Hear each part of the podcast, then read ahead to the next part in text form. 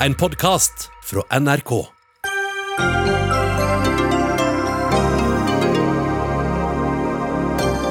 Arbeiderpartimedlemmer er i sjokk og beskriver det som et svik at mangeårig partikamerat Jan Bøhler melder overgang til Senterpartiet. Men Trygve Slagsvold Vedum smiler. Snart skal homøopatiske legemidler ikke bare selges på apotek, men også i butikk. Ikke fordi politikerne vil gjøre dem mer tilgjengelige, de får dem bare ikke fjernet fra apotekene. Lar vi kommersielle krefter lage, lage tivoli i fjellheimen vår? Turlegende Stein P. Aasheim advarer mot rasering av Vøringsfossen. Og Sykepleierforbundet stiller spørsmål ved dagens system for lønnsoppgjør. De spiller et farlig spill, kritiserer kommentator.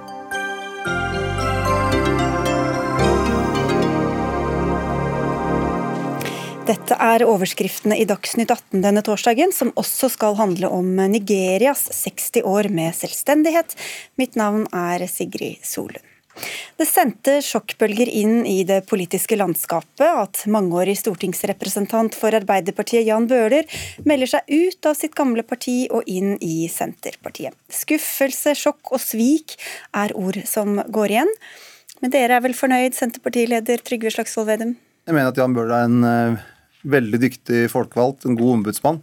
Og det som er det gode med den måten Jan Bøhler har jobbet på, er at han har snakka med folk, reist rundt, kjenner lokale forhold og er en god tillitsmann for sitt, om, sitt, område. og Derfor er det selvfølgelig en stor styrke både for Senterpartiet, men jeg mener også for norsk politikk at, at Jan Bøhler ønsker å fortsette. Vi har selvfølgelig invitert ham hit. Han uh, takket nei til det. Men hvor lenge har dere visst om denne overgangen? Altså, Jan Bøhler har kjent hverandre i mange år, og jeg har hatt veldig sans for måten han jobber med. Uh, ungdomskriminalitet, ungdom som faller utafor. Det at han ønsker å ha et Norge med små forskjeller mellom folk. Og så uh, har vi hatt en avtale lenge om at jeg skulle hatt en dag i Groruddalen. Uh, og så det, hadde vi en sånn lang dag i Groruddalen i, i slutten av august der vi møtte folk, diskuterte spesielt mye med gjengkriminalitet. Det var egentlig hovedtema. Hvordan kan vi sørge for at det blir mindre mindre vold, mindre gjengkriminalitet, mindre utenforskap. Og også de store utfordringene som ser på integrering. Og så tror jeg det ble sådd noen eh, tanker eh, hos Jan den dagen. at det, eh, at han ser det fellesskapet han har og jeg har, og det som Senterpartiet står for, og det han står for, med et land med, med små forskjeller, der vi skal ha et reelt nærpoliti, der vi skal bruke politikken ja, okay, aktivt til å utjevne forskjeller. Men hva skjedde etter det, da? Da har vi hatt eh, litt jevnlig kontakt. Og så har også nominasjonskomiteen og den formelle prosessen gått da i, i Oslo. Der de har forespurt om han var interessert. De har gått de formelle rundene, og det er en enstemmig komité eh, som mener at eh, Jan Bøhler vil kunne være en veldig god representant for eh, Oslo, for Groruddalen og for Senterpartiet eh, i neste fireårsperioden. Men Var det først Jan Bøhler som sa at han kunne tenke seg å bli med Senterpartiet, eller var det Senterpartiet som først spurte om han kunne tenke seg å stå på lista? Det er en glidende overgang, egentlig, sånn som det er i gode samtaler. Altså at du, du lytter, du hører. Øh, og vi begge har et veldig brennende engasjement. Hvordan kan vi få ned kriminaliteten? Hvordan kan vi få bort gjengene? Ja, men hvis nominasjon, at, at, nominasjonskomiteen ble kobla på, det må jo ha kommet fra et eller annet sted. De må ha fått et signal fra, fra deg, eller fra ham, eller fra noen andre? Ja, de har fått et signal eh, også fra fylkeslederen i Oslo Senterparti, som heter eh, Bjørg Sandkjær, som eh, hvor fikk hun høre det fra? Nei, hun var også med på den dagen vi var i første dagen, så var jeg også med på når vi hadde møte med Stovner-politiet og snakka om æresrelatert vold, og hvordan vi kunne klare oss å bekjempe det. Og så har det vært en gradvis prosess med litt eh, sonderinger nå gjennom september måned. Så i praksis er det nå i, i september måned det, det, har vært. Men selvfølgelig er det det at Jan og jeg det, vi er veldig opptatt av den rollen vi som folkevalgte skal ha være ombudsmenn, møte folk, drikke kaffe, snakke, lytte, se. Det skjønner jeg, men og, og Derfor så er det jo selvfølgelig ikke eh, så Det kommer ikke helt fra løse lufta, men den runden nå med at han valgte å gå inn i Senterpartiet, den har skjedd nå gjennom september måned. Ja, og Er det mulig da å si at, at det var han som tok det største initiativet, eller til siste initiativet, eller at det var Senterpartiet som gjorde det? Altså jo, altså vi hadde en avtale fra før om at vi skulle ha en sånn Groruddalsdag. Ja, det har jeg skjønt, ja, ja. Og så tok jeg initiativ til at nå kan vi ikke ha noe snart. Så det var det jeg som måtte ja, starta det. Men, så, så, sånn men, ut fra det til å tenke at han skal bytte parti og bli medlem av Senterpartiet, er jo et stykke, da. Jo, men det var noe med at vi, vi fikk en utrolig Den dagen var synes jeg, helt strålende. Begge kjente like stort engasjement for, for hvordan kan vi få gjort noe med det her. Hvordan kan vi få styrka politikk, ikke minst. var mye snakk om den dagen, og Få en reelt nærpolitikk, den der sentraliseringa som regjeringa driver med. Uh, og, og, og, derfor så Vi er jo brennende engasjert ja, ja. som politikere. Jo da, men, men, du skjønner hva jeg spør om? Jo, men, da, altså, det, men det var litt glidende. Ja. Det er litt sånn ofte når jeg er på date ofte, det er ikke, det, det, er det, er ikke sånn at Det var de assosiasjonene jeg også fikk her. Det er ikke sånn at du spør liksom, sånn, der eller da. Altså, ja, noen ganger har man en dato man kan se tilbake på. Oh, jeg. Jo, jeg tror det, men det er litt glidende overganger. Mm. Uh, og så er det at vi har et felles prosjekt med å få bort den forskjellspolitikken som er nå. Vi mener at den der, for eksempel ja, okay. i dag, da, vi ser det med jernbanereformen, der en direktør i Vy tjener ti ja, ganger så mye som Ja, dette blir litt på siden av det. det, det, det, ja, da, ja, ja, det forstår jeg, men det, det, snakker vi ofte om også. Men nå skal det handle litt om akkurat dette, da. Du blir med oss videre, eh, Trygve Slagsvold Vedum, men vi skal apropos kjærlighetsforhold, da, så skal vi komme til noen som skal vi si er blitt uh, slått opp med og ikke er så begeistra for det, Steinar Saghaug. Du uh, er mangeårig um, Eh, mangeårig eh, Arbeiderpartimann, tidligere gruppesekretær, nestleder, sekretariatsleder i Arbeiderpartiets stortingsgruppe og byråd, bystyremedlem for Arbeiderpartiet en årrekke, er med oss fra hytta, og du skriver i dag på Facebook Jan Bøhler, du er den største svikeren jeg har opplevd i politikken gjennom mer enn 50 års medlemskap i Arbeiderpartiet. Hvorfor fortjener han dette skussmålet, mener du? Jo, det var det jeg la meg i går kveld med en melding fra Jan Bøhler som ikke var i nærheten av å antyde noe av det som kom til å skje i dag. Og jeg våknet til eh, hva jeg opplevde som et sjokk og en forferdelig ubehagelig opplevelse av at her er det noen Her er det en som har lurt meg. Jeg har jobba for Jan Bøhler og hans renominasjon eh, helt siden dette, han sjøl reiste spørsmålet i sommer. Stilte opp, gjort alt jeg kan for altså, å koble Hvilket spørsmål han mener du da? At han ville, han ville, fortsette på Stortinget, eller hva, hva, tenker du på? Ja, for at han eh, fordi jeg ville, sammen med mange andre, at han skulle fortsette på Stortinget for Arbeiderpartiet. Fordi han representerer noe viktig. Groruddalen, alder, alt det der. Og Vi gikk så langt som å koble han opp mot sentrale personer i Oslo Arbeiderparti. Raymond Johansen f.eks., som var villig til å stille opp med en åpen hånd og en kaffekopp for å avklare hva er det Jan uh, sliter med. Uh, og, og, han, Vi snakka til og med da om å finne plass til Jan Bøhler på lista. Jan Bøhler har avvist absolutt alt sammen. Og parallelt med dette har han, slik jeg opplever det, eh, drevet et dobbeltspill hvor han da har eh, snakket med Senterpartiet om å stille på den lista, samtidig som vi har jobbet for at han skal inn på Arbeiderpartiets liste. Det er bakgrunnen for at jeg opplever det som et personlig svik, og det er også et svik mot Arbeiderpartiet og alle som har stilt opp eh, for Jan Bøhler i alle de posisjoner han har hatt, og fortsatt har på Stortinget. Så det er bakgrunnen for en, en eh, emosjonell, og følelsesmessig reaksjon som førte til det eh, innlegget jeg skrev på Facebook. Mm. Vi skulle jo gjerne hatt eh, Jan Bøhler her, men han har jo da selv sagt han, at, at, han ikke ville renomineres fordi at han ble motarbeidet og at det var noen eh, skjulte krefter. Men ut fra det du sier nå, så lå det altså an til at, at han ville bli nominert inn på, på stortingslista, forstår jeg det rett da? Det kan jo ikke jeg bestemme, men uh, en del av oss har reist spørsmålet, og sentrale personer har også tatt det på alvor. At kunne Jan Bøhler være fornøyd med å stå på en femteplass, f.eks. på lista, eh, og bli en, være den kampkandidaten som vi trengte? Det har vi presentert overfor Jan Bøhler, og Jan Bøhler har avvist det fullstendig. Det var ikke aktuelt. Mm. Og Dette må Jan kommentere sjøl, men for Jan var det kun tredjeplassen som var aktuell. Men du sier at hans personlige ambisjoner settes over fellesskapets interesser, men mener du da egentlig Arbeiderpartiets interesser?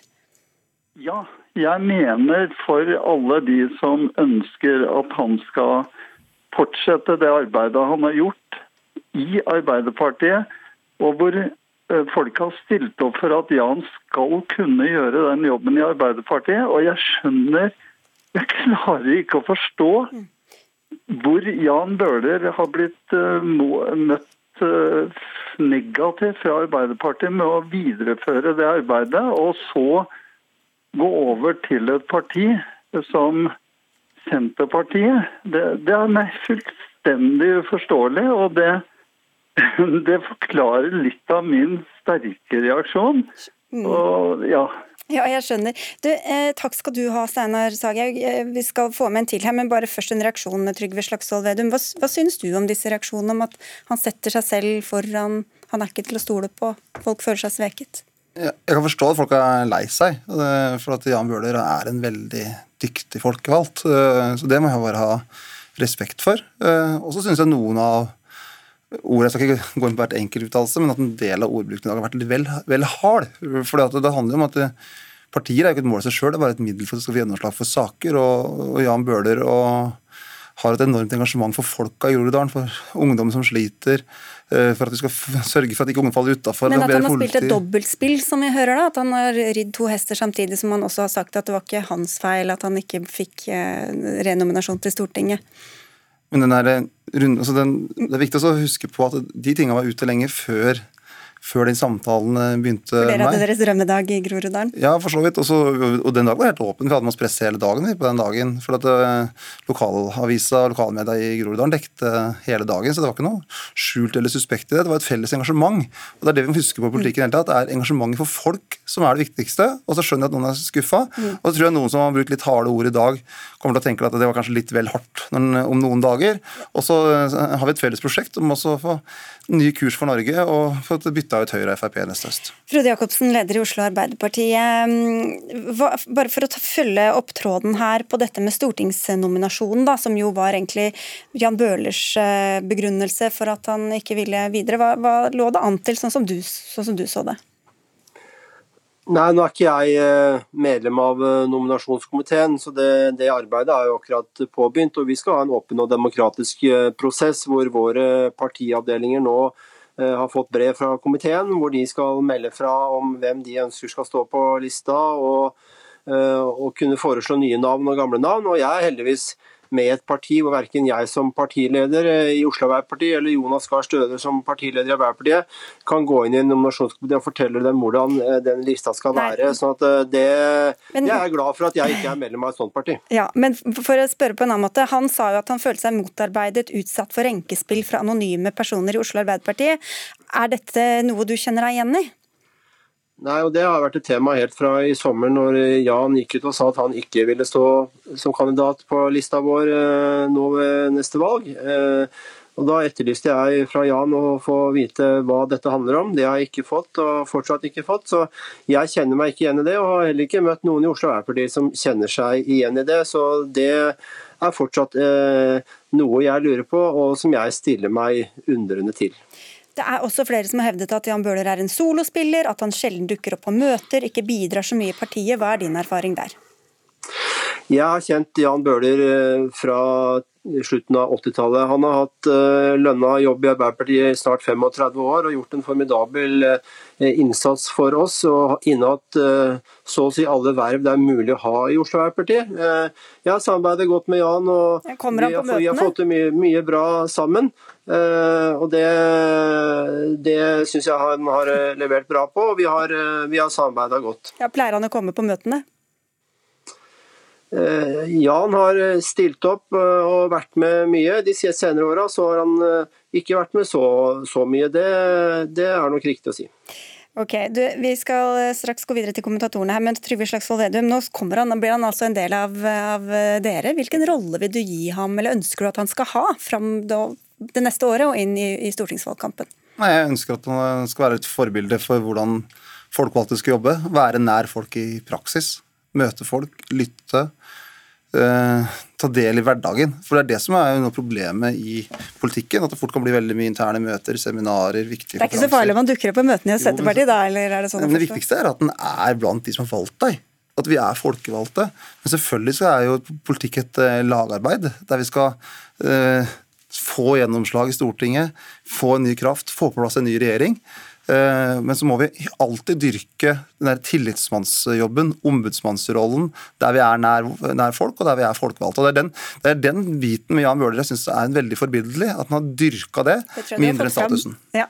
Magnus Takvam, politisk kommentator i NRK. Hvorfor er det så mange og så store reaksjoner på, på, en sånn overgang, når vi har jo sett mange ganger tidligere også at, at eh, politikere har skifta parti? Som vi hørte Steinar Sjalgaug her, hvis eh, vi eh, hører på det han sier, så, så, forteller i hvert fall han da en historie som begrunner hans skuffelse, og det er at han eh, så eh, Jans kvaliteter politisk, som han selv forklarte, og gjerne ville ha han med på laget og på stortingslista, og jobbet for det, og så eh, får han da, som han fortalte selv, plutselig beskjed om at han går over til et annet parti. og Da føler han seg sveket. Så Det er én forklaring på, på, på, hans eh, veldig sterke reaksjon.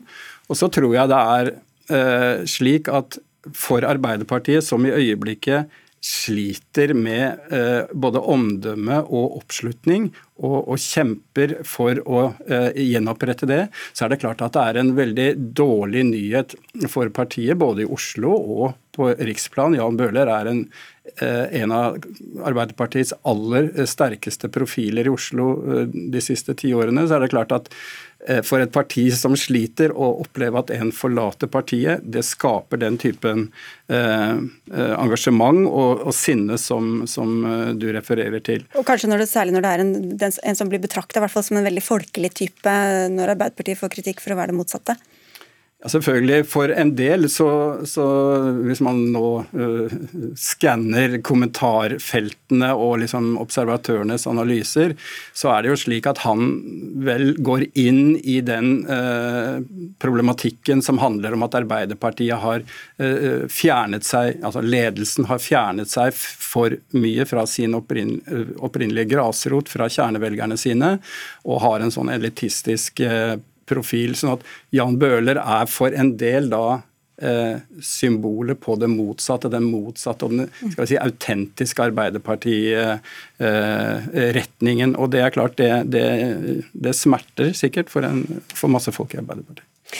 Anne Ekornholmen, politisk redaktør i Nasjonen. Hvor eh, viktig kan dette være for Senterpartiet, tror du? Jeg tror, eh, som jeg har skrevet i en kommentar i dag, at jeg tror dette er en gullsignering for Senterpartiet. Um, ikke minst fordi at uh, Senterpartiet har selvfølgelig behov for å bredde seg ut, og vil jo gjerne øke sin oppslutning også i, eh, i byene, og i Oslo spesielt. Eh, og, og, han eh, er en fyr som har god kontakt med folk, og som har et enormt eh, nedslagsfelt. Så jeg tror at hvis man ser bort fra den støyen og det som jeg tror vil legge seg om ei lita stund, så tror jeg at Bøhler kan dra med seg stemmer og velgere over til Senterpartiet.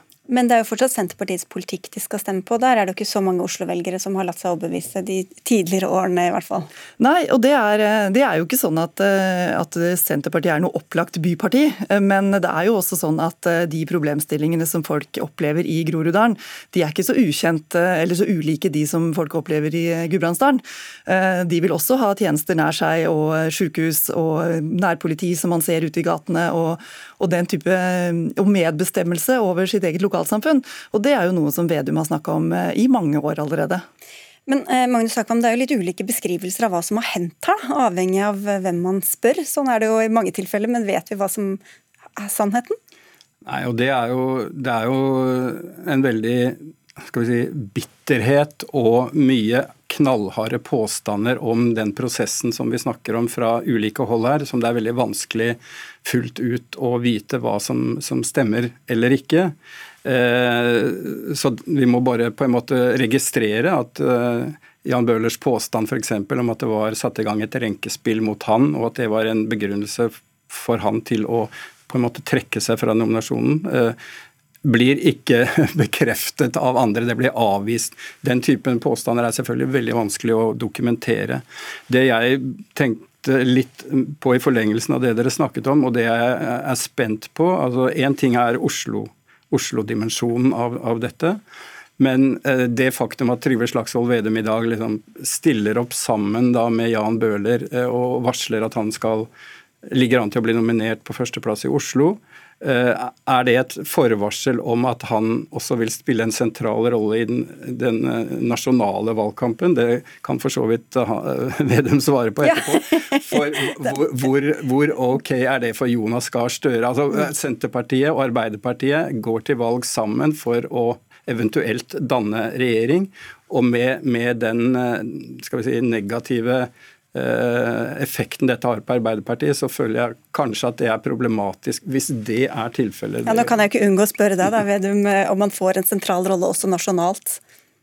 Ja, målet mitt er jo at uh, alle våre stortingsrepresentanter skal ha en sentral rolle. Og, og Jan Bøhler selvfølgelig. Forhåpentligvis kommer han i mange debatter og en sterk røst for å bytte ut uh, statsminister Erna Solberg. For vi mener at hun har sentralisert Norge for mye og skapt for store forskjeller. og, ja, og Jan Bøhler og til, er også en svært dyktig debattant, f.eks. når det gjelder da, ungdomskriminalitet, ja, manglende integrering. Så jeg både håper og regner med at Jan Bøhler kommer til å høre mye til det neste okay. året. Men Ekornholmen, tror du det kan få nasjonale konsekvenser?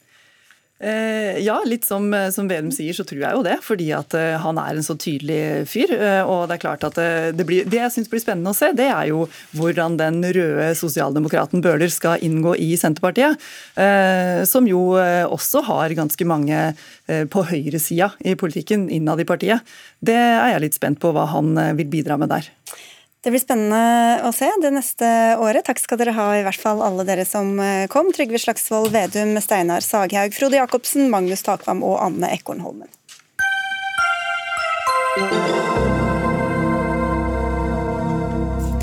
Fra nyttår skal eh, homeopatiske legemidler, eller naturmedisin om du vil, også selges i butikker. Til nå er det bare apotekene som har hatt disse remediene i hyllene. Dette er likevel ikke en større anerkjennelse av homeopati som medisin, for den har like liten effekt som melkesukker, sier du til Aftenposten, Sveinung Stensland, andre nestleder i Stortingets helse- og omsorgskomité. Du representerer Høyre, for du skulle egentlig ikke sett at de var på apoteket i det hele tatt? Nei, det har jo vært eh, et mål for, for flere, det. Også at eh, homopati ikke skulle uh, apotekprodukt, fordi en kunne bli forledet til å tro at det faktisk hadde effekt. Men nå er legemiddeldefinisjonen sånn at uh, både produkter som har medisinsk effekt, og produkter som utgir seg for å ha effekt, uh, er å anse som legemidler, og derfor som, så har de da vært solgt i apotek og bare der. Men hva er da logikken i å gjøre det tilgjengelig enda flere steder, hvis dere ønsker at færre skal kjøpe det? Det, det er ikke noe som logikk i det, altså, fordi homopatiske produkter har jo ingen effekt, så det betyr ingenting om folk spiser de, og derfor så, Om det blir solgt i dagligvaren, så er ikke det noe problem. Og Det vi har gjort, som er et veldig enkelt lite grep, det er å utvide denne ordningen som heter LUA legemidler uten apotek, som ble innført under Bondevik II, eh, som åpna for at eh, reseptfrie legemidler, sånn som Ibux og Paracet og Ortrevin, som folk kjenner, i dag kan selges i dagligvaren. En utvider den ordningen sånn at, at eh, homopatiske legemidler kan selges i andre utsalg enn apotek. Andreas Bjørndal, du er homopat og undervisningsrektor ved Norsk akademi for naturmedisin. Dere er vel glade dere nå da når disse medisinene, legemidlene, kommer tilgjengelig flere steder? Opprinnelig så ønsket man jo å ha det på apotek, for det var en mye mer ryddig ordning. Og det er bare tull og fake news at Stensland sier at det ikke finnes dokumentasjon, for det gjør det. Så det er synd at en politiker ikke setter seg bedre inn i tingene. Det er ikke noe stort problem for oss at det blir solgt ute i butikkene. Det kan være en fordel, det vil gjøre det mer tilgjengelig. Eh, det som er trist, er jo beveggrunnen til Stensland, som ikke er snakk om å rydde opp i ting eller kvalitetssikre tilbudet. Hadde politikere som Stensland sett på hva som er gjort av norske politikere før. Det var et Årbakk-utvalg for 20 år siden som jeg selv satt i. Og vi hadde da et forslag om en trappetrinnsløsning. Først et register i Brønnøysund, og så kreve at det var da en utdannelsesminimum i de medisinske fagene. Det Stensland gjør, er jo å motarbeide alt av alternativ medisin snakker om å gjeninnføre kvakksalverloven, at det var uheldig, skal da fjerne NVA, skal på en måte arbeide mot. Men det han da gjør seg til, er jo en løpegutt for farmasøytisk industri. Som farmasøyt er ikke det noen stor overraskelse. Men, okay. ja, jeg vil bare si at vi, vi, Nå burde vi sikkert sagt ja, hvor har du dokumentasjon og hvor har du dokumentasjon, og det vil ta så lang tid at det kan vi nesten ikke tror, gå inn for. Men debatten blir mye bedre hvis vi tar vekk det løpeguttperspektivet. Altså, Homopati virker ikke, det er godt dokumentert. 1500 studier ble gjennomgått av en australsk forskningsgruppe. Det virker ikke mot noen ting. Dagens Medisin, som er et anerkjent norsk tidsskrift, skriver homopati virker ikke for noen ting. Og da, eh, da, da, da men, men hvis, vi, hvis, vi, holder oss litt til dette med apotekene også, Stensland har blitt tilbakevist. Og det viser dokumentasjon for fem tilstander, minst. Det, men, okay, men, men, til dette, hva øh, håper dere da vil skje med salg av disse legemidlene, øh, som det er klassifisert som, når de nå kommer ut i butikk også? Det åpner jo for at butikker som ønsker å bli et spesialutsalg for homopati, kan bli nettopp det. Det er bare at det blir en del av LUA-ordningen, så kan en utvide det. det for å altså, spørre mer spesifikt, da, Ønsker du at det skal senke legitimiteten ved disse remediene, at de da ikke lenger bare er finne på om, Det handler jo ikke om uh, legitimitet, men handler om at dette er ikke og dette er ikke et produkt som nødvendigvis trenger den apotekvelsignelsen som jeg har sagt. Og jeg er jo ikke alene om disse tingene. Når det gjelder kvakksalverloven, så ligger det jo et Dokument 8-forslag der en ønsker en rapport om kvakksalveri til Stortinget fra et annet parti enn Høyre. Eh, sånn at det, det blir litt spesielt å slå meg i hardcore med en, annen industri. Det er sånn at eh, homopati er ikke dokumentert. Og det som er i disse produktene, det er så godt som ingenting, hvis det er noen ting som helst. Og det er jo heller ikke påvist noen virkningsmekanismer rundt det. Dette er en, en faglig debatt som er oppe og avgjort. Eh, og, det, er, det er bare tull. Beklager. Jeg skal sende deg dokumentasjonen. Ja. Greit, men, men, til dette med, med Bjørndal, altså Bjørndal til, om at de nå kommer ut i butikk. Hvilket signal mener du at det sender? Det er ikke noe stort problem i det hele tatt. Det vil gjøre det lettere for veldig mange mennesker. Den største problemstillingen er at det som farmasøytisk industri har gjort, er jo på en måte å sette strupen på alternativmedisinsk behandling på flere ulike måter de siste ti årene. Gjennom begrensning i markedsføring. Jeg kan ikke fortelle om forskning, selv om den fins. Det har jeg ikke lov til. Gjennom da MVA-regulering, som det nå foreslås. Gjennom dette at man har en markedsføringstillatelse for å selge produkter av legemidler i hvilket som helst land i Europa, som har redusert spekteret av legemidler ned til litt over 400 stykker. Eh, mens det finnes 8500 preparater som vi ønsker å ha tilgjengelig. Så dette her er jo på en måte veldig uheldig for norske brukere. Det er jo bare til å dokumentere disse produktene, så vil de jo komme i markedet. Det er så enkelt er det ikke. Og det er jo ikke farmasøytisk industri som har gjort det her. Dette er jo en, en, en lovgivning som er lik i hele Europa, så, som Norge er med på. Vi har gode definisjoner på hva som er et legemiddel og sterke dokumentasjonskrav. Det skal vi være glad for. Det ser vi jo spesielt nå når vi har hatt en situasjon der en prøver å kappes til å finne nye legemidler mot denne covid-19-epidemien. Eh, vi har ordna former på dette, eh, denne delen av medisinen og Det er viktig. Og Når det gjelder homopati, så er vår beveggrunn gjør det litt enklere, minst mulig byråkratisk. Ta det inn i LUA-ordningen, sånn at butikker som vil selge homopatiske produkter, kan gjøre det hvis de blir en del av LUA-ordningen. Men Hvorfor skal de være å selge på apoteket i det hele tatt? da? Det er fordi at de, har en, eh, de, de, utgjør seg for å ha effekt, og da kommer de inn under eh, legemiddeldefinisjonen i både legemiddel... Er det ingen, ingen, grenser for hvem som kan utgi seg for å ha effekt? Ja, hvis, hvis, du, et, hvis du tar, tar, et produkt i salg som du sier virker mot en definert sykdom, så blir det veldig fort et legemiddel. Eh, det er det som gjør at helsekost ikke kan si at dette virker mot den og den sykdommen. De, de kan si at det kan ha en effekt på det og det, men de kan ikke si at dette virker for en definert sykdom, for da kommer kommer det inn under legemiddeldefinisjon. Og Det er et regelverk som er likt i store deler av Europa. Mm. Eh, Bjørndal? Ja, Dette her er et EU-direktiv som ligger til grunn for dette. her, og du kan si at det er godt regulert. Jeg skulle ønske at norske politikere istedenfor å arbeide mot noe og gjøre seg til løpegutter, arbeidet for kvalitetssikring, for en høyere utdannelse, arbeidet for at det var et fritt helsevalg. Han snakker om et fritt behandlingsvalg som en positiv ting, men han forstår ikke at dagens borgere er oppegående mennesker forventer en stor grad av autonomi. Flott med LUA-ordningen, de kan velge selv, de kan gå ut og handle ting. Men dette burde jo da gjøres til noe som var enda enklere for folk å bruke og få tak i. Ja, nå er det stort poeng for den andre debattanten å karakterisere meg, men eh, dette gjør det enklere og er mindre byråkratisk. Dine, dine, pasienter får lettere tilgang på de produktene de måtte ønske å kjøpe. Det kan ikke være noe problem. Dette er i dag en del av EU-retten, men definisjonen på legemidler har vært lik lenge før EU.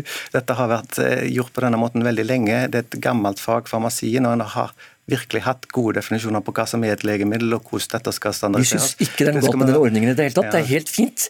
Det som jeg setter spørsmålstegn til, er din beveggrunn. Ja, og ditt kunnskapsgrunnlag er for tynt. Akkurat. Det er fint. Men jeg, jeg vil nå si det at eh, jeg har mine beveggrunner som ikke har med det du sier. Altså, Dette handler om å gjøre ting lettere for folk, og at en skal slippe å gå på apotek for å få tak i homopati. Og apotekene har ikke lyst til å selge det, for det er ingen der tror på det.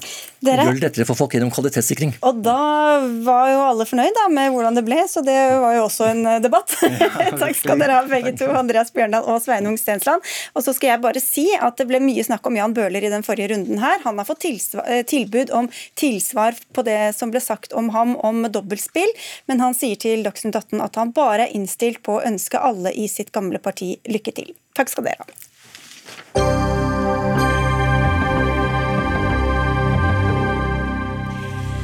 Er frontfagsmodellen fortsatt den beste måten å drive lønnsoppgjør på? Ikke ifølge Sykepleierforbundet, som skal få utdype om en 20 eh, minutters tid her i Dagsnytt 18.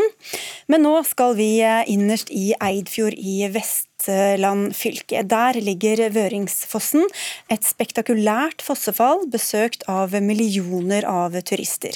Nå er det også åpnet en gangbro der til nesten 40 millioner kroner, som en del av et kjempeprosjekt fra Nasjonale turistveier. Stein Aasheim, du er forfatter og eventyrer, bl.a. første norske mann på Mount Everest, og du har skrevet en ytring på nrk.no der du sier at broa er en voldtekt av en av Norges flotteste naturattraksjoner. Hva mener du med det? Eh, det som var hovedbudskapet mitt med den kronikken, er en reaksjon på den tanken og holdningen og filosofien om at eh, naturen først får verdi og kommer til nytte når du involverer en maskinentreprenør eller ja, lager et arrangement som eh, på Vøringsfossen. Og når noe av motivasjonen for dette er å sette Vøringsfossen på kartet og heve verdien av Vøringsfossen, altså den er allerede Norges mest besøkte naturattraksjon. Da, da, det er den, den innstillingen og den tanken der som var som jeg reagerer på, og som var eh, hovedgrunnen til, eh, til eh, utbruddet mitt, da, for å si det sånn. De som følger oss på TV har kunnet se noen bilder av denne broa, men for alle som lytter til oss, hvordan vil du beskrive hvordan dette ser ut nå? Ja, altså Dette er ikke først og fremst en diskusjon om hvorvidt denne broa er stygg eller pen. Det ja, smak og behag osv. Men, men det er først og fremst en reaksjon på, på den, eh, den, innstilling, eller den tanken, at, eh, at eh, naturen må tilrettelegges til de grader at du ødelegger den på veien. Nå er jo Vøringsfossen ikke noe godt eksempel på uberørt natur i, i Norge. og Det finnes andre eksempler som jeg nevnte i teksten, som er mye grellere. Men, men, ehm, men eh, det, er, det, er, fortsatt og var og er en viktig drivkraft for, for den brua. Mm. Men den er i hvert fall veldig synlig, for å si det sånn. Marit Stadheim, du er daglig leder i Visit Eidfjord.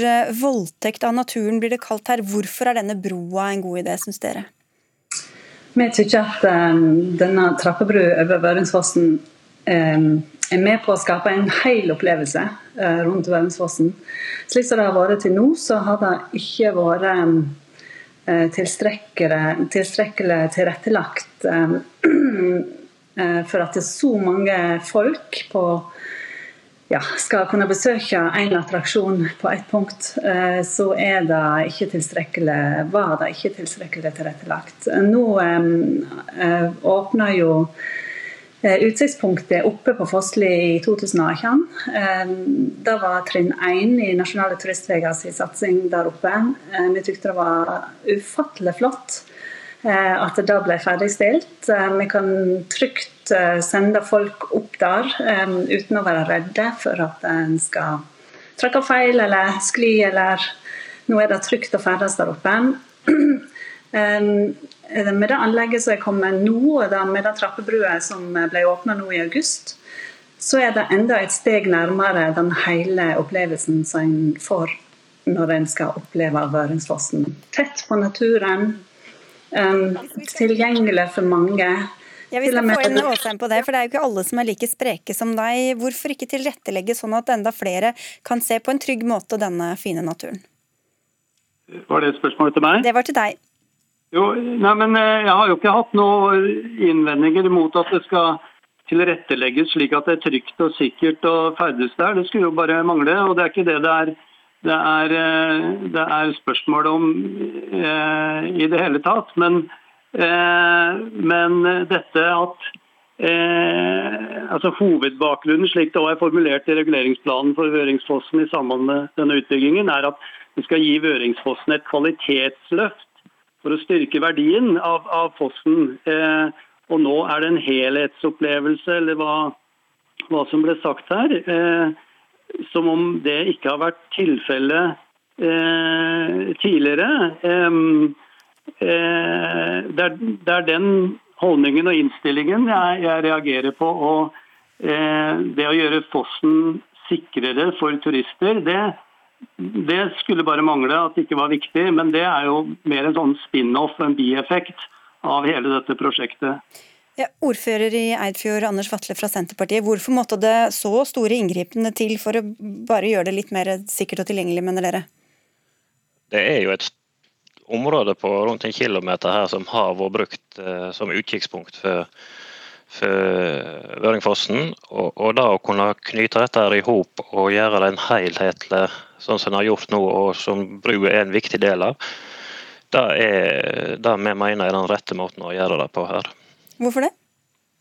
Nei, det er I dag så er det en annen type turisme enn eh, det har vært. Altså, vi er mye mer opptatt av eh, spektakulære bilder. Og, eh, og vi har òg en med så mye folk som kommer her til, så må en legge til rette godt for det. Så du må gjøre naturen litt mer Instagram-vennlig? Ja, en gjør jo egentlig det. Ja. Åsheim? ja, men det, det, er den jo overalt. Og, og jeg har ikke noe imot at naturen er Instagram-vennlig. Og det fins eh, eksempler som jeg også nevnte, eh, som er Eh, som er mye grellere, eller kommer i en annen kategori enn Vøringsfossen. Jeg trakk fram denne gondolen som de er i ferd med å bygge i, i Romsdalen. Romsdalsgondolen, som, eh, som punkterer Romsdalseggen. Eh, som er en, en vandrings...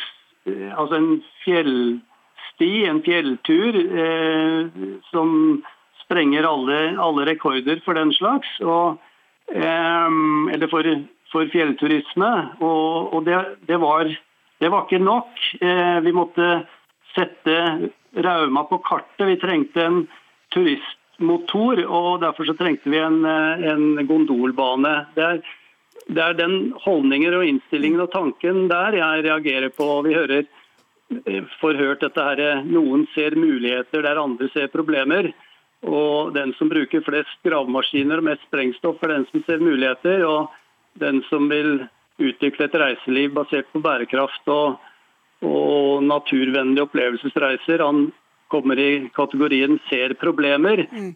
Og Det er mitt eh, hovedanleggende. Ja, nå har vi ikke noe fra Rauma kommune her, men Marit Stadheim i Visit Eidfjord. Hvorfor er ikke naturen god nok i seg selv som attraksjon for turistene? Han er god nok. Vi har masse flott natur i Eidfjord. Vi har masse flott eh, natur i Hardanger og i hele Norge, Vestlandet.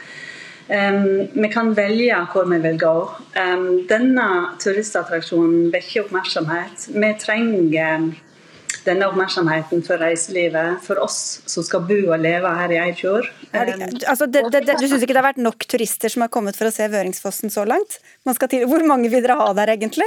Nei, altså tingen er at det blir synergieffekter rundt om til andre eh, attraksjoner. Og, og poenget med Vøringsfossen og den utbyggingen der, er at vi, vi ønsker, og vi ønsker alltid å gi eh, gjestene som kommer til Eidfjord og til Hardanger, en god opplevelse. Og Det mener vi at de får når det er tilrettelagt eh, på den måten på en plass der det um, uh, uten tilrettelegging hadde blitt vanskelig å ferdes. Men må det tilrettelegges på den måten? Altså, Hvorfor kan man ikke bare heller ha litt mer diskré tilrettelegging, da, for å si det på den måten? Det er den oppmerksomheten vi trenger. Vi trenger altså Den brua vekker oppmerksomhet, det har vi jo allerede sett. Eh, det er viktig for reiselivet eh, å få den oppmerksomheten. Ikke bare for Eifjord og Hardanger, men hele Fjord-Norge og Norge. Som reiselivsdestinasjon trenger denne mm. oppmerksomheten. Ja, Stein Aasheim. De trenger oppmerksomheten, hører vi her. Ja, ja altså det er, det er helt ufattelig for meg å høre at at uh, Vøringsfossen, som uh, altså er Norges mest besøkte naturattraksjon, trenger den oppmerksomheten som en sånn metallkonstruksjon vil gi. Det, det trenger den jo virkelig ikke. Uh, broa trenger Vøringsfossen for å bli kjent, det forstår jeg. Men, men, men Vøringsfossen er ikke avhengig av en sånn bro for å for å bli kjent utad. Og da spør jeg som du gjorde, altså hvor mange besøkende vil man egentlig ha? Da kan vi la det den siste gå til eh, ordføreren i Eidfjord, Anders Vatle. Ja, jeg tar imot alle som kommer, og vi skal legge til rette for det. Og, det er jo der vi har, har gjort òg nå. Altså, det, er, det hadde ikke gått hvis vi ikke hadde gjort noen grep. Og den brua den er eh, liksom knutepunktet i å knyte i hop begge sidene til fossen. Dere, Det er Statens vegvesen som har hatt ansvar for utbyggingen. De hadde ikke mulighet til å stille, men vi sier tusen takk til dere tre. I hvert fall ordfører Eidfjord, Eidfjord Anders Vatle fra Senterpartiet, Marit Stadheim, daglig leder i Visit Eidfjord, og Stein Aasheim, som også er forfatter og fjellklatrer, blant annet.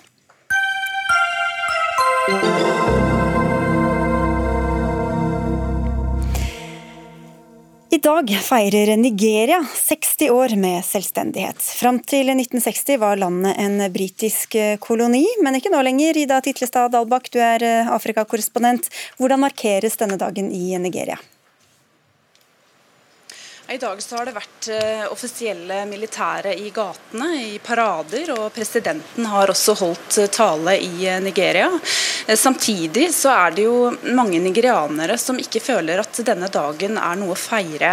Og jeg snakket med en journalist som er basert i Lagos, og han fortalte at han hadde kjørt rundt i gatene der og møtt de som vanligvis selger nigerianske flagg på frigjøringsdagen. Og de fortalte at de ikke hadde solgt nesten et eneste flagg. Eh, så det er mange som ikke ønsker å, å, feire denne dagen. Og også på sosiale medier så er denne hashtaggen Nigeria 60 and useless, altså Nigeria 60 år, men ubrukelig. Eh, det har vært et, en populær hashtag i dag. Så det er mange som er kritiske til den eh, situasjonen som landet er i akkurat nå, som ikke ønsker å feire dagen. Hva er det de er så kritiske til da? De, har, eh, de, er eh, kritiske til ulike eh, ting, men særlig er det jo korrupsjonen som har preget Nigeria de siste årene.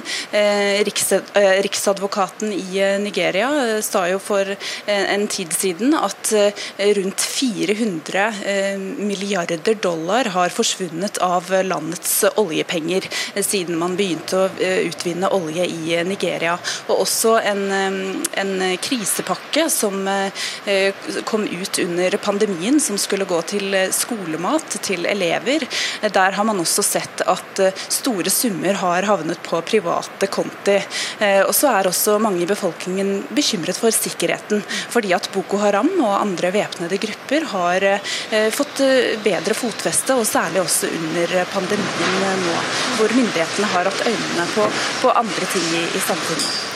Det stormer litt rundt deg der, eh, Ida Titlestad Dalbakk, men vi har flere her, gjester her i studio også. Camilla Hauland, du er forsker ved NMBU. Vi hørte noen stikkord her. Olje, ulikhet. Hva vil du si har preget disse utviklingen i Nigeria de siste 60 årene?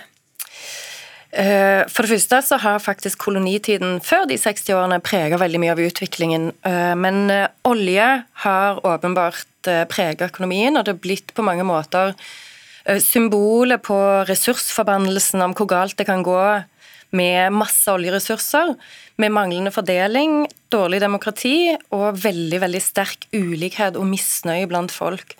Her skal det òg sies at eh, når det går bra med oljeøkonomien internasjonalt, så går det gjerne bra med Nigeria òg. Så akkurat nå er Nigeria inne i en dyp krise med liksom den andre internasjonale oljekrisen på fem år. Hvordan har de forvaltet eh, denne, disse oljeinntektene, da? eh, til gode for de få. Eh, med, med, som òg er kobla til denne korrupsjonen, der det utvikler seg en eh, en slags elitekultur med, med, sammenfall mellom politiske og økonomiske interesser. Og der man gjerne bruker oljeformuen til å fordele makt og goder mellom eliter ulike steder i landet. Og spesielt i Nigerdeltaet, der oljen befinner seg, så har man jo òg kobla seg på lokale ledere. Så det blir en veldig sånn sterk deling mellom ledere og folk flest i mm. Nigeria. Mm. Og det er vel det Ida Dahlbakk henviser til med, med alle disse forventningene som kommer til Nigeria, og, som, og, de stadige skuffelsene. Ja, Så ulikhet og elite, men også mange ulike etniske grupper. Regine Lende, du er førsteamanuensis ved MF eh, vitenskapelige høgskole. Eh, hvordan har det preget landet? Eh, det har pregt og preger landet i stor grad på en måte så er det jo mye stolthet i de ulike etniske gruppene og alt det kulturelle mangfoldet. Det er litt sånn, Nigeria er litt sånn som EU, unity and diversity, og det feirer vi.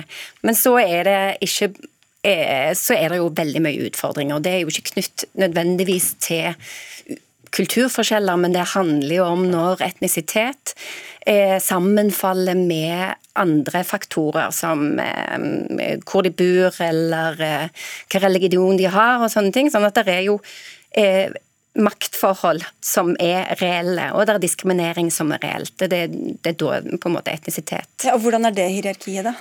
Nei, altså, eh, eh, Det er jo tre store grupper som på en måte som har kontroll, eller kontroll, men som har, definerer litt sine ulike områder. Men der nord er sterke i militæret, så er sør f.eks. sterke i administrasjon og i næringsliv. Og det er store økonomiske og politiske forskjeller i de ulike regionene hvor på en måte de ulike etniske gruppene mm. dominerer. Mm. Hvordan er den politiske situasjonen nå, Ida Titlastad Dalbakk? Det er mye av det som eh, blir nevnt her. Altså, eh, og, og, som vi så i dag eh, med disse protestene, så viser jo det at misnøyen er stor mot den sittende regjeringen og mot president Buhari. Og Verdensbanken sier jo nå at landet ikke har hatt så dårlig økonomi på 40 år.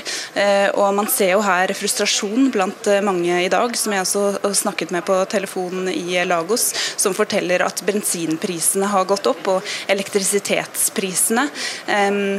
Så denne misnøyen er jo sterk mot den, den, sittende regjeringen.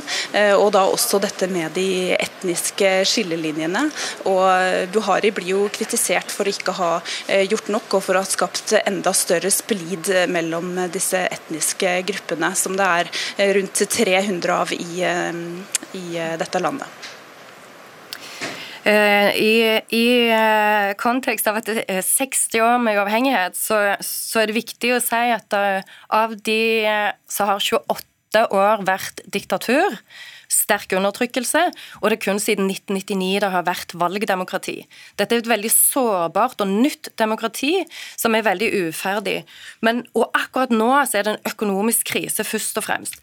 Det er et utilstrekkelig demokrati med mye mistillit, men det har vært viktige framskritt de 20 årene òg, med stadig forbedring i valggjennomføringen og utviklingen av et slags topartisystem de siste fem-ti årene.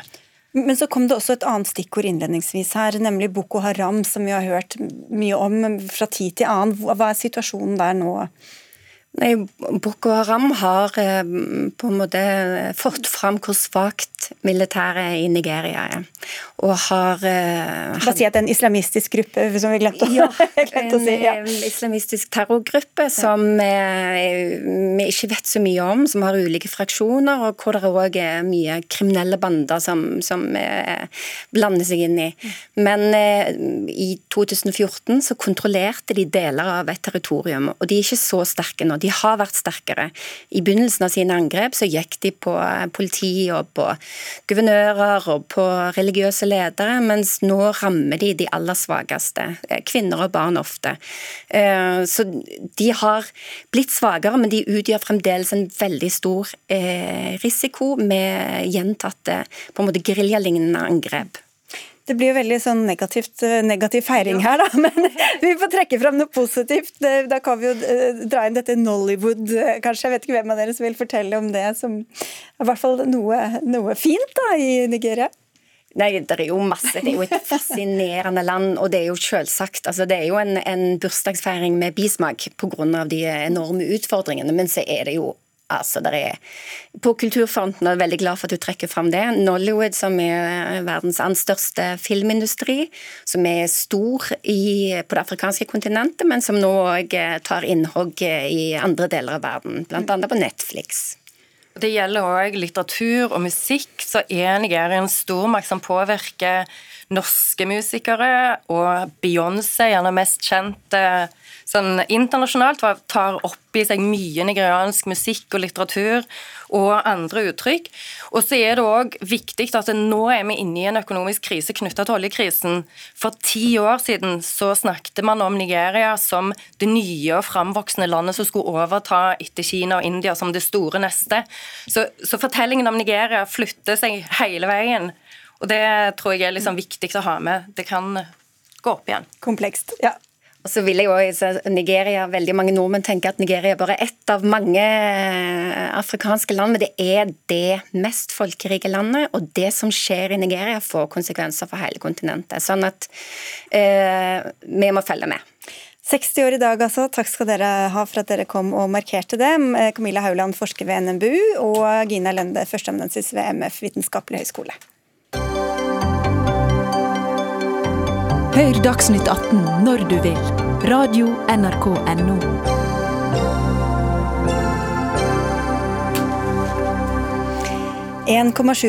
det er hva lønna til de fleste av oss øker med etter årets eh, lønnsoppgjør. Ikke alle er like fornøyd med dette, deriblant sykepleierne, som peker på frontfagsmodellen som en årsak til at oppgjøret ikke blei fetere. Det fungerer eh, som kjent sånn at eh, i Norge alltid er ansatte ansatt i konkurranseutsatt industri som forhandler først. Det resultatet de får, blir førende for oss andre. Men lederen av Sykepleierforbundet, Lill Sverresdatter Larsen, som vi snart skal høre fra, uttalte nylig til nettavisen Fri fagbevegelse at det er på tide å tenke nytt om dette. En uttalelse du reagerte på i en kommentar i Dagsavisen i dag, hvor du er kommentator, Kjell Werner. Du sier det er å spille farlig høyt. Hvorfor er det det? Jo, de spiller høyt fordi de ødelegger hele grunnlaget for lønnsdannelsen. Etter min mening så må eh, tåleevnen til industrien eh, legge rammene, eh, og da må andre innrette seg etter det. Alternativet er en lønnsspiral hvor andre da løper foran, og så må industrien ta igjen det. og så taper vi industriarbeidsplasser, kort og godt. Og da taper alle? Da taper alle, fordi da taper også sykepleierne, som eh, da Velferdsstaten får ikke det festet som den behøver å ha, eh, og da forsvinner grunnlaget også for en stor velferdsstat. Lill Sverresdatter Larsen, altså leder i Norsk Sykepleierforbund. Hvorfor fungerer ikke denne frontfagsmodellen for bl.a. deres yrkesgruppe? Frontfagsmodellen har jo fungert og tjent eh, Norge godt gjennom eh, mange år, men den ble altså oppretta i 1966, på den tida der vi enda var redd for TV. på den tida. Eh, og Det betyr også noen ting med at altså, kvinner var jo ikke ute i jobb på den samme måten som i dag. Vi hadde ikke en offentlig sektor som i det hele tatt var påtenkt sånn som den er per i dag. Problemet i dag, som alle sammen er enige om, er at vi har en sykepleiermangel. Er altså, så Koronakrisen er jo sånn sett bare en, en, en akutt krise på en allerede kronisk krise. Vi mangler helsepersonell over hele linja, på sykehus og i kommunene. Og det er klart at Lønn har betydning for å rekruttere, og ikke minst det å beholde. Og Frontfaget løser ikke den lønnsdannelsen og den utviklinga. Dermed må vi se på andre muligheter. Vi er nødt til å tenke nytt rundt hvordan frontfaget praktiseres. Ja, men Betyr det at man skal skrote hele modellen, eller at enkelte grupper, som f.eks. sykepleierne, da skal være unntatt systemet? Jeg tenker at Det koronasituasjonen virkelig har vist, er jo den symbiosen mellom samfunnskritiske yrker, som bl.a. sykepleiere er en del av, og det er et sunt og godt næringsliv. Ehm, så Frontfaget fungerer jo på, på sine måter. Holden III-utvalget viser jo til at det er fullt mulig å prioritere enkelte grupper, som f.eks. samfunnskritiske yrker. Poenget er at vi er nødt til å se på det på nytt, fordi at den lønnsdannelse som fungerer gjennom frontfag og den strenge, strenge fortolkningen for de rammene, det fungerer ikke det hjelper ikke på å rekruttere eller beholde bl.a. sykepleiere. Her mener jeg Det er usmakelig at sykepleierne bruker korona som et argument for å få økt lønn. Det er mange yrkesgrupper i Norge som er i samme båt. Eh, og de som har lidd mest under koronakrisen, er jo de som har eh, mista jobben sin, enten i form av at de er blitt permittert eller da oppsagt. Jeg reagerer på at uh, Werner beskriver det som uh, usmakelig. For NSF har altså aldri brukt koronasituasjonen som, uh, som begrunnelse for hvorfor vi trenger høyere lønnsutvikling også for sykepleiere. Vi bruker, den situasjonen som, den situasjonen som er per i dag. Vi mangler 6000 sykepleiere allerede i dag. Hvordan tenker du Werner, at vi skal løse det problemet på sikt, uavhengig av korona eller ikke? Vi er nødt til å sikre befolkninga, vi er nødt til å sikre en beredskap, og ikke minst vi er også nødt til å sikre et sunt og godt næringsliv. Men det var god søkning til sykepleierutdanningen nå i høst. Det er vi veldig glad for, fordi at sykepleier er et veldig veldig godt yrke. Og så er det også sånn at vi utdanner to for den ene som vi klarer å beholde. Og én av fem sykepleiere slutter de første ti år av sin karriere, og avgangsalder er 57 år fordi at sykepleierne ikke klarer å stå i den belastninga som yrket er. Men, men du, som, du, du, sier at du ikke bruker koronaepidemien, du trekker i hvert fall fram innsatsen til deres medlemmer. Men hva med alle andre yrkesgrupper som også har lidd ekstra eh, under koronaepidemien? Hvordan skal de, deres lønnsdannelse preges av det? Jeg tenker Det er nettopp det vi er nødt til å se på nytt, på hvordan eh, samfunnskritiske yrker og lønnsutviklinga for nettopp den gruppa, som vi ser særlig under den koronasituasjonen. Det viser jo bare det vi allerede har visst gjennom mange år, men det setter det på spissen gjennom denne situasjonen. Det er ikke å bruke koronasituasjonen for å fremme egen lønn. Det handler om flere grupper, men det handler bl.a. også om sykepleiere. Ja, og Hvis du skal heise flere grupper, så, ta, så, vil det i hvert fall utfordre frontfagsmodellen, og industrien vil bli den tapende part her. Eh, og Dere rasler jo også med streikevåpenet eh, når dere sender ut eh, forslaget i lønnsoppgjøret til uravstemning uten anbefaling fra ledelsen. Det mener jeg er dårlig lederskap og en indirekte oppfordring til, til streik på et grunnlag som dere sjøl sier da er for dårlig. Da har jo forhandlerne enten gjort for dårlig jobb, eller så Hva skal dere oppnå ved en streik? Du kan få svare på det, Larsen. Ja, Det er vanskelig å forstå hvorfor du fremhever altså frontfaget så viktig å begrense akkurat sykepleien sitt lønnsnivå, mens det gjelder andre grupper med lavere lønnsnivå eh, enn samfunnsfunksjonen skulle tilsi. Og Her bør tenke både du som Kjell Werner og andre forbund forklare hva de mener med det. Men, men, jeg, jeg, mener at alle, alle, må holde seg til frontfaget. Men hvorfor er det fortsatt en god modell og en naturlig modell så mange år etter at den ble laget, og hvor samfunnet har endra seg tross alt ganske mye i løpet av de siste ti årene? Hvis noen kan klare å gi meg en bedre modell, her snakker man om at den er for dårlig, men vi får ikke noe alternativ på hva som er en bedre modell. Og da må vi holde fast men, men den vil jo låse fast enkelte strukturer i samfunnet, da, hvis man bare skal forholde seg til den? i hvert fall? Ja, dessverre så må det bli følgen. Men det er jo noen som har klart å løfte seg. Vi så bussjåførene nå klart å løfte seg. Så men hvis noen løfter seg så... Etter en streik, som du nettopp kritiserte Norsk Sykepleierforbund Jo, men jeg, jeg, jeg, jeg har støtta bussstreiken, uh, og den mener jeg var, var, var riktig. og de, Der mener jo partene at de har holdt seg innafor frontfaget. Nå kan det sikkert diskuteres, men det er det de sier begge, begge, på begge men, sider. Men hvorfor er det kritikkverdig av Sykepleierforbundet og, og kanskje, som du sier, legge, å legge opp til en streik, mens det ikke var kritikkverdig jo, hvis de skal, hvis de skal få mer enn en frontfaget. Mm. Bussjåførene fikk ikke mer enn frontfaget, sier de i hvert fall selv. Larsen? Resultatet fremstår iallfall godt, og vi anerkjenner og gratulerer arbeidstakerorganisasjonene med det de har fått til gjennom nettopp eh, den streiken som de har vært igjennom. Og så ser vi på resultatet, og det er litt vanskelig å se at det er innenfor frontfaget. Det viktige for oss er å sørge for at vi klarer å sikre befolkninga en helsetjeneste også i frem, fremtida. Vi mangler 6000 i dag, det gjør vi ikke hvis vi ikke gjør noe også med lønna. Men du har ikke noe ferdig snekra alternativ heller? Jeg er alene i Sykepleierforbundet, skal vi ikke ha ferdig snekra det, det, det satser på. Men jeg mener at vi trenger å tenke nytt rundt det, og det, det inviterer jeg gjerne flere parter, også Kjell Werner, til å være med på. Ja, men Hvordan skal man unngå at det blir mindre til eh, noen da, hvis enkelte skal få mer? Altså, nå har vi også vedtatt en mengde krisepakker til, til, næringslivet. Det er vel ikke utenkelig at det kan vedtas også krisepakker til, til bl.a. helsetjenester, nettopp for å klare å sikre at vi har en beredskap og at vi kan sikre befolkninga de helsetjenester som vi forventer både i dag og i fremtiden. Ja, men Krisepakke kan ikke brukes til økt lønn, og her er dere i ferd med å ødelegge da solidariteten innad i fagbevegelsen. og Det bør også Unio-familien tenke på. Men Kjell Werner, de har altså en bred støtte til å stille spørsmål med frontfaget sånn som den praktiseres per i dag. også også i fagbevegelsen. Da kommer vi tilbake til en ny diskusjon om det. Litt fortsatt uenighet der, men vi får takke for den. Kjell Werner, som altså er ansvarlig redaktør i ANB, står det her, og hadde i hvert fall en kommentar i Dagsavisen. Og Lill Sverresdatter Larsen, som er leder i Norsk Sykepleierforbund. Dagsnytt 18 er over for denne gang. Vi har snakket mye om Jan Bøhler. Han dukker opp nå straks her i Dagsrevyen, ettersom hva jeg forstår. Det var Dag Dørum som hadde ansvaret for innholdet i denne sendinga. Marianne Myrhol hadde det tekniske ansvaret. Jeg heter Sigrid Solund. Vi ses og høres igjen i morgen, og ha en riktig fin kveld inntil videre.